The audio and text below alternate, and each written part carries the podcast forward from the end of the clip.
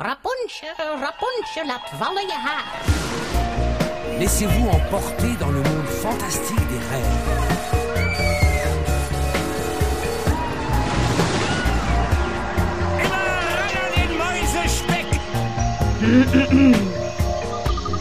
Het is weer ochtend in Pretparkland. Goedemorgen pretparkland en welkom bij je ochtendelijke pretpark podcast. Mijn naam is Arwen Taats en Tom van Lievering en ik zijn vandaag in Disneyland Parijs.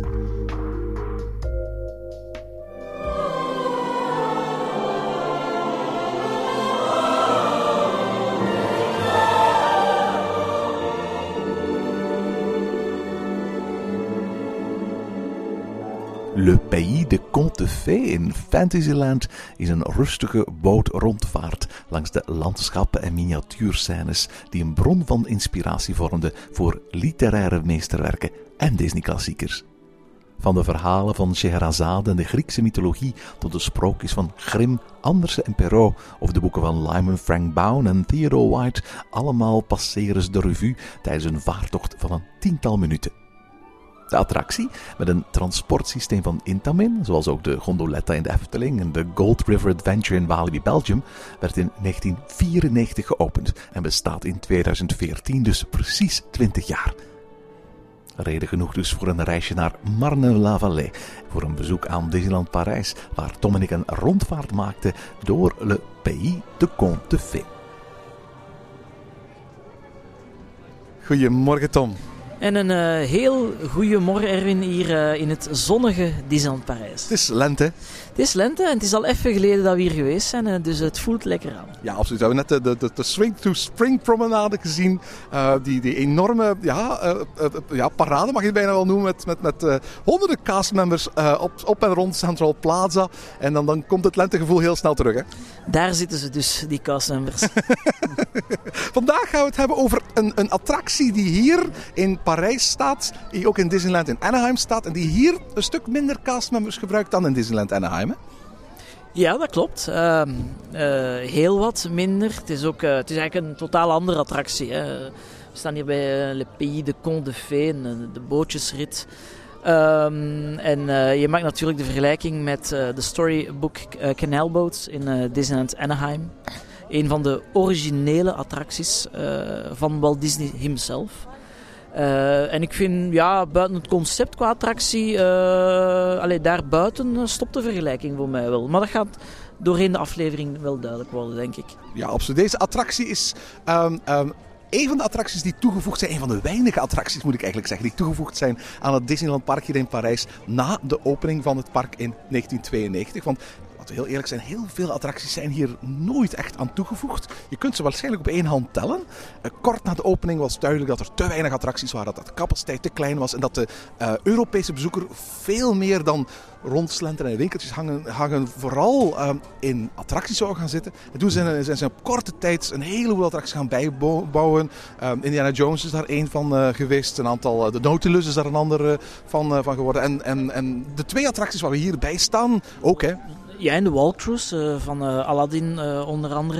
Ik heb mij laten vertellen zelfs dat dit één naam had. de, het Capacity Enhanced Program. Ze hadden, en dat is echt dus de bedoeling om, om de wachtrijen kleiner te maken. Hè. Dus het is heel duidelijk dat de Europeaan kiest voor attracties en veel minder voor shows. Veel minder voor, uh, voor, voor ja, de, de, de, andere aspecten wat Disney zo, zo sterk in scoorde in Amerika. Dus. Misschien is dat een beetje hoe wij ja, attracties gewend zijn van te gaan bezoeken natuurlijk als Europeanen. Die eendags pretparken waar je naartoe gaat en dan probeert in zo kort mogelijke tijd zoveel mogelijk attracties voor je geld te gaan doen. Hè?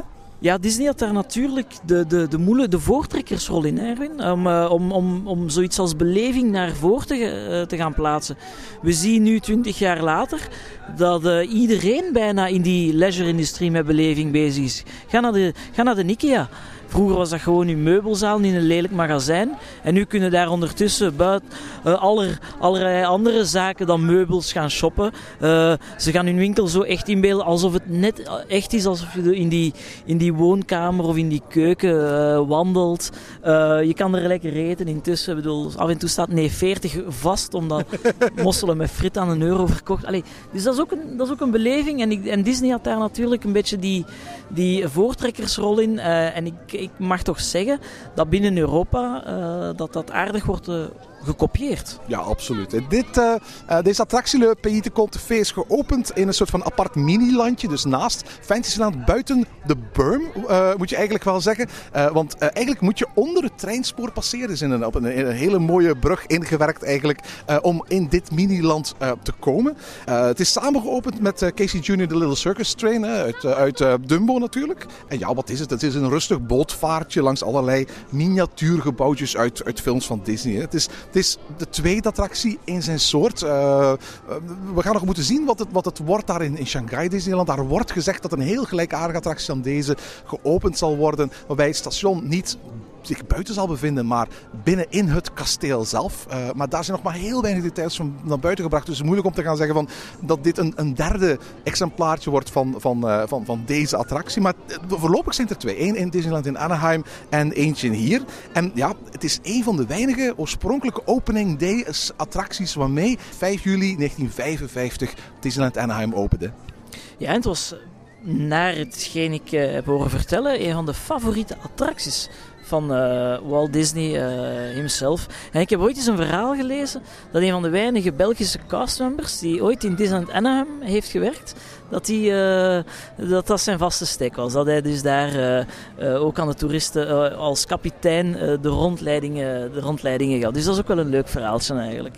Nu, een beetje misschien over de geschiedenis van deze attractie. Want eigenlijk de, de, manier waarop deze attractie in, eerst in Anaheim en daarna hier in Disneyland Parijs is terechtgekomen, heeft natuurlijk alles te maken met de ontstaansgeschiedenis van Disneyland Parijs. Lang voor Walt Disney met het idee op de proppen kwam om een eigen park te hebben, een eigen Disneyland, wou hij bij zijn eigen studios in, in Burbank een eigen parkje bouwen. En daarvoor had hij de mosterd afgekeken van Universal. Hè?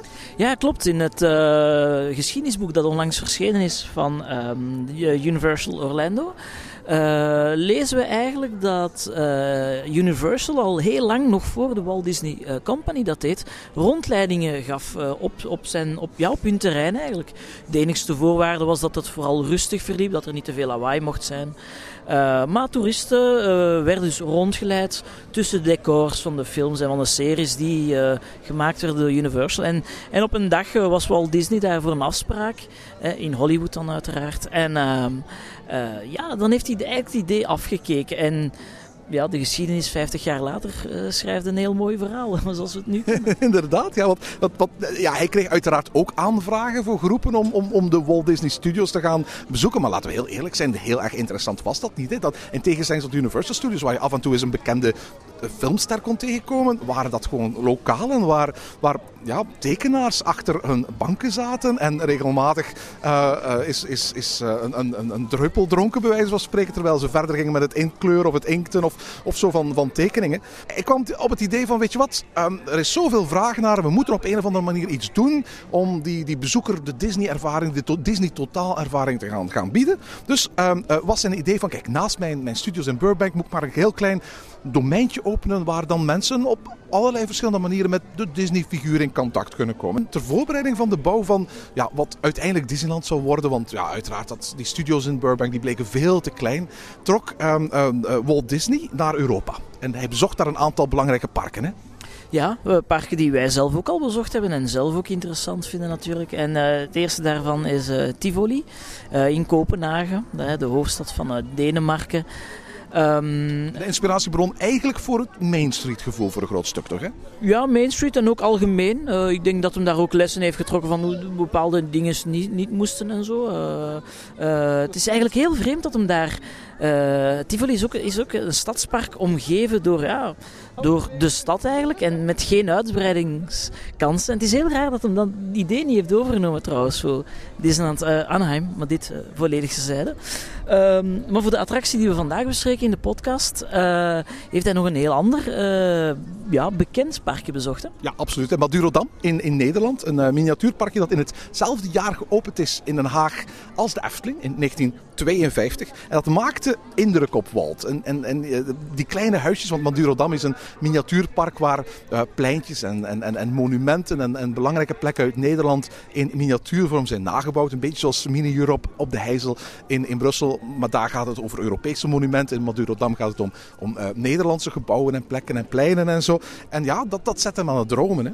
En toen Herb Ryman en Walt Disney samen gingen gaan zitten om het eerste grondplan van het Disneyland Park uh, uit te tekenen. Hè. Die, die heel gedenkwaardige avond. En dat hele ja, bekende grondplan uiteindelijk dat de basis is geworden voor, voor, voor elk park. Met dat kasteel in het midden en die landen daar omheen.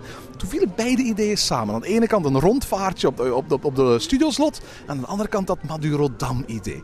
En hun idee was eigenlijk duidelijk. En als je dat plattegrond bekijkt, dan kun je dat kun je dat zien? Daar staat een kanaalboot op. Het heette toen nog de Canal Boats of the World. En het idee zou zijn dat je in een bootje gezeten langs allerlei ja, miniatuurversies van bekende wereldmonumenten zou varen.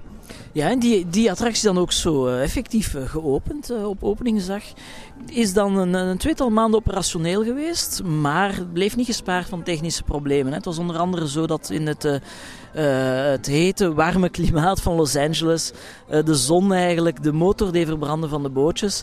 En zodoende ja, stond de attractie meer stil dan... Het is, heel, het is heel grappig om te lezen hoe heel regelmatig uh, letterlijk die, die, die bootjes terug naar de kant gepeddeld moesten worden door castmembers. Vol met inzittenden die dan moesten gaan ergens op de oevers gaan, gaan uitstappen. En ja, het was meer, meer een probleem dan wat anders. En uiteindelijk besloten ze van het ding gewoon dicht te houden. Is te gaan kijken van kunnen we dat niet... Ja, het was ook allemaal heel snel gebouwd in die laatste maanden voor Disney Disneyland Anaheim in juli 55 openging. Er ging zoveel verkeer, er moest zoveel tegelijkertijd uh, uh, uh, gebeuren. Dat er heel veel dingen provisorisch werden neergezet. Met als gevolg ja, dat deze attractie gewoon ja, niet, niet is afgewerkt zoals het had moeten zijn. Hè.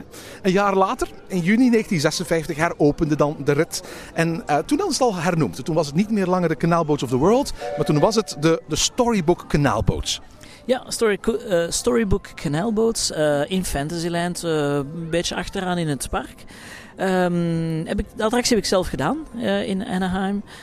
Maar heel sfeervol natuurlijk. En hier ben ik weer met het woordje sfeervol, ik weet het. Maar het, het, is gewoon zo. Het is, een, het is een attractie die Disney in- en uitademt, als het ware. Het heeft alle kernaspecten die er moeten zijn.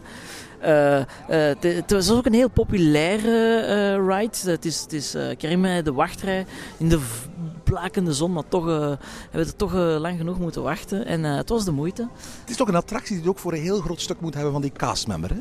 Ja, ik, de, het is een attractie die je moet bezoeken als je zeker de Engelse taal machtig bent. Anders heb je er bijzonder weinig aan of mis je heel wat aspecten. Dat is net zoals Jungle Cruise doen in Tokio. Ja, ik vond dat niet zo plezant. Het is obvious waarom natuurlijk uiteindelijk. Uh, maar toch een extra cachet daar, uh, de Storybook Canal Boats. Uh, mede door de, door de geschiedenis die, er, die erachter zit. Hè. Wetende dat, dat dit een, een, een, pareltje is dat ze echt hebben willen bewaren. Ja, nu, oorspronkelijk was het, was het de bedoeling. Het bekendste element van die Storybook Canal Boats dat is de opengesperde muil van, van Monstro, hè, de walvis uit Pinocchio. En oorspronkelijk was het ook de bedoeling dat daar een soort van drop in zat. En dat je als het ware als, als een wildwaterbaan uit die mond van, van Monstro naar beneden zou glijden met een kleine splash. Is uiteindelijk nooit op die manier gerealiseerd. De bootjes varen nu op een, op een gezapig tempo doorheen. Uh, uh, en, en ook de, de, de, tafereeltjes, de scènes die je langs de kanten ziet, uh, die zijn anders dan bij ons, hè? Ja, inderdaad. En zo vind je daar uh, Peter Pan bijvoorbeeld, ehm, Alice in Wonderland uh, en Assepoester misschien een beetje meer uh, verhalen gericht tot de Amerikaanse markt. Hè? Want het is, het is, duidelijk hier in Europa dat ze meer kiezen voor ja, het Europese sproken. En dat ligt eigenlijk ook een beetje in, uh, in het verlengde van heel dat Fantasyland hier. Het is een, het is een ode aan de Europese sprookjes, de Europese verhalen ja, dat gaan we ook merken. En als we straks de, uh, of zo meteen de, de, boottocht gaan doen, dat daar een aantal uh, ja, sprookjes staan in uitgebeeld. Waarbij de meeste mensen niet meteen gaan denken aan een, een, een Disney tekenfilm die ze erbij gaan kunnen uh, plaatsen.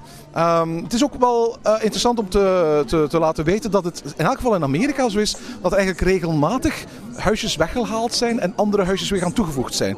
Um, om er op zo'n manier voor te zorgen dat bij wijze van spreken niet alleen de films die in de jaren 50 bekend waren aanwezig waren in het in de attractie, maar er ook modernere films bij passen. Deze attractie is in 1994 geopend. En dat merk je wel, omdat juist films die begin jaren 90, zo de Disney-renaissance, heel erg populair waren, die hebben allemaal een plaatje gekregen. Hè? Eh, The Little Mermaid, Beauty and the Beast, Aladdin. Eh, de drie grote films van de Disney-renaissance eh, uit die tijd, die hebben een hele prominente plaats hier gekregen. Hè? Ja, klopt. Ehm, we, staan hier nu aan te schuiven, Erwin. Het valt mij wel op eh, als je hier staat, want zoveel krijg je de kans niet altijd. Het is een attractie die jammer genoeg toch wel heel vaak gesloten is. Ja, Zeker heel de winter eh, bijvoorbeeld, samen met eh, Casey Jr. Ehm, dat alles hier eh, echt wel in, in open lucht is. Hè. Dus je geeft mij ook wel een beetje de indruk, zonder afbreuk te willen doen aan het geheel hier, dat het gaat om, een, om, om echt wel een, een extra toevoeging hè, die, er, ja, die er maar moest bijkomen. En je ziet al zo niet meer dat ehm, exponentiële budget dat er is tegenaan. Want vergeet niet, ja, 94, dat waren al crisisjaren hier in, eh, hier in Parijs. Hoor. Dus, Het is eigenlijk gewoon een towboat ride van Intamin. Eh, zoals Fata Morgana erin is, zoals eh, de Gondoletta erin is. Zoals ja, hier vlak naast It's a Small World erin is eigenlijk. Hè? Ja, inderdaad. De mensen die, no- die hier nog niet geweest zijn, beeld u Gondoletta in. Iets korter. Eh, Met niet overdekte boot. met niet eh, overdekte bootjes. Ehm, en je passeert dus, ja, of je vaart langs eh, scènes uit de bekende animatiefilmen. Hè, voor- voornamelijk animatiefilmen van Disney. Dat is eigenlijk de, de meest ruwe vergelijking die, die je kan maken. Ja, toen de attractie in 1994 opende, waren er alleen maar decors te bekennen. De poppetjes die erbij staan, de kleine figuurtjes bij wijze van spreken, die zijn er pas een aantal jaren later aan toegevoegd. Wellicht omdat de gebouwen aan zich misschien niet zo iconisch waren dat eh, eh, iedereen die onmiddellijk zou kunnen herkennen. Eh, en dat de toevoeging van een aantal van die figuurtjes toch eh, het zeker makkelijk zouden maken, of makkelijker zouden maken om te herkennen om wat het is. Er zijn toen ook boeken aan toegevoegd van die kleine uitvouwboekjes eigenlijk, waarop dan telkens de naam staat van het sprookje of van de tekenfilm waar elke scène uit vandaan komt.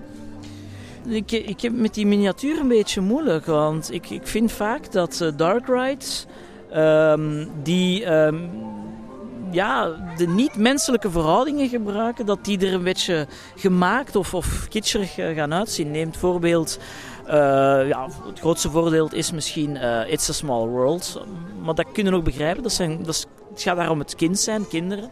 Eh, maar bijvoorbeeld ook eh, Alibaba vroeger in Walibi Waveren. Dat waren eh, animatiefiguren, animatronics die iets kleiner waren. En dat geeft onmiddellijk zo ja, een, een tweede rangs indruk, vind ik. En hier gebruiken ze echt wel miniatuurpopjes. Wat, wat mij soms ja, de indruk geeft op een, van een veredelde poppenkast, als het uit is. Ik weet niet dat het echt allemaal zo dark eh, het is nu open lucht eh, dark ride, bij wijze van spreken. Dat het echt van, eh, van, van, van dat niveau is eh, dat, het, dat je het echt als puur Disney-klassieker kan kla- eh, klassificeren. Als een geschiedenis natuurlijk, hè, naar, naar, verwijzen naar die attractie in Anaheim, maakt het natuurlijk wel tot een, tot een Disney-klassieker. Maar zoals je zelf zegt, het zijn hele statische scènes waar je naar kijkt. Er zijn in principe geen bewegende elementen in de attractie. En de beweging moet je vooral hebben aan de ene kant van de beweging van de verschillende bootjes. En aan de andere kant uiteraard van het landschap. Want dat hebben we nog niet gezegd. Eigenlijk is het zo dat Casey Jr., het treintje waarvan het station hiernaast staat, eigenlijk ook over en door het landschap waar die bootjes doorheen varen, eh rijdt. hè? Ja, de, de twee attracties gaan en staan met, met elkaar. Eh, eh, dat, is, dat, is wel, dat is wel een feit.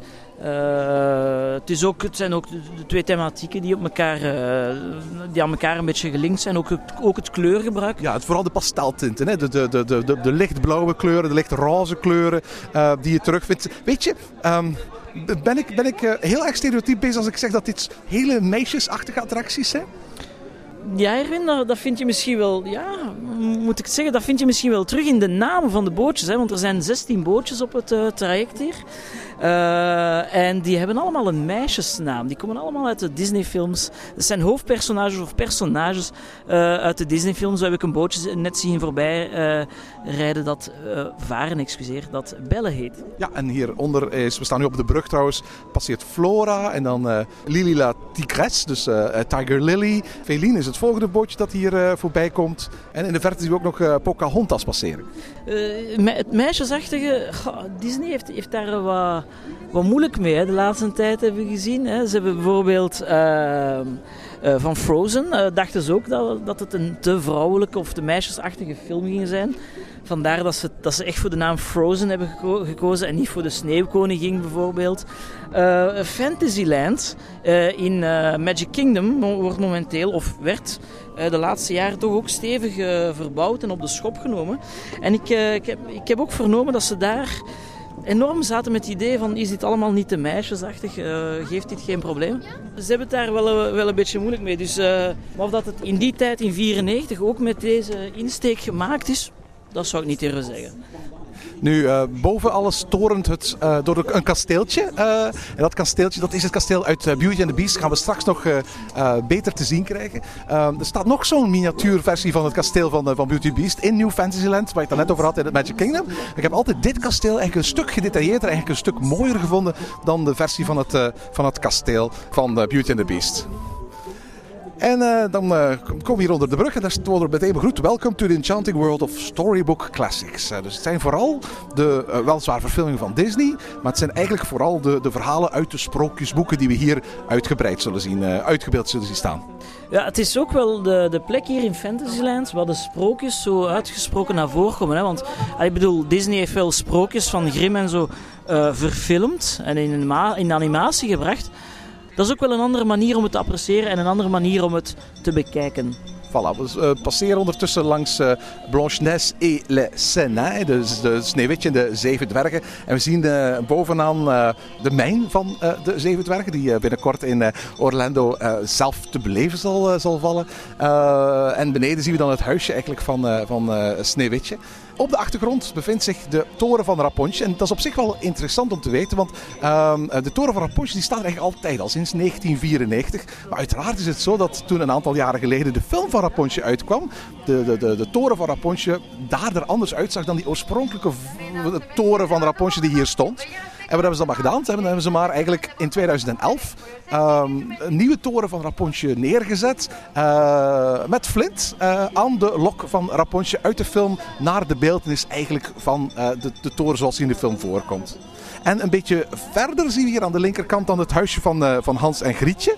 Nu, Hans en Grietje, de heks van Hans en Grietje, dat is geen Disney-film. Althans, veel mensen gaan het niet kennen als een Disney-film. Eh, er is ook geen Hansel en Gretel tekenfilm van, eh, van Disney. Maar er is wel een, eh, een Silly Symphony. En dat waren een van die kortfilmpjes die de Disney-studios maakten. En die heet Babes in the Woods. En daarin wordt eh, Hans en Grietje gelokt door een, een heks naar een snoephuis dat letterlijk, zoals hier ook uitgebeeld staat, druipt van het snoepgoed. Eh, en daar is het eigenlijk een uitbeelding van. Ja, en het is ook een sprookje dat heel bekend staat bij het Europese publiek. Hè.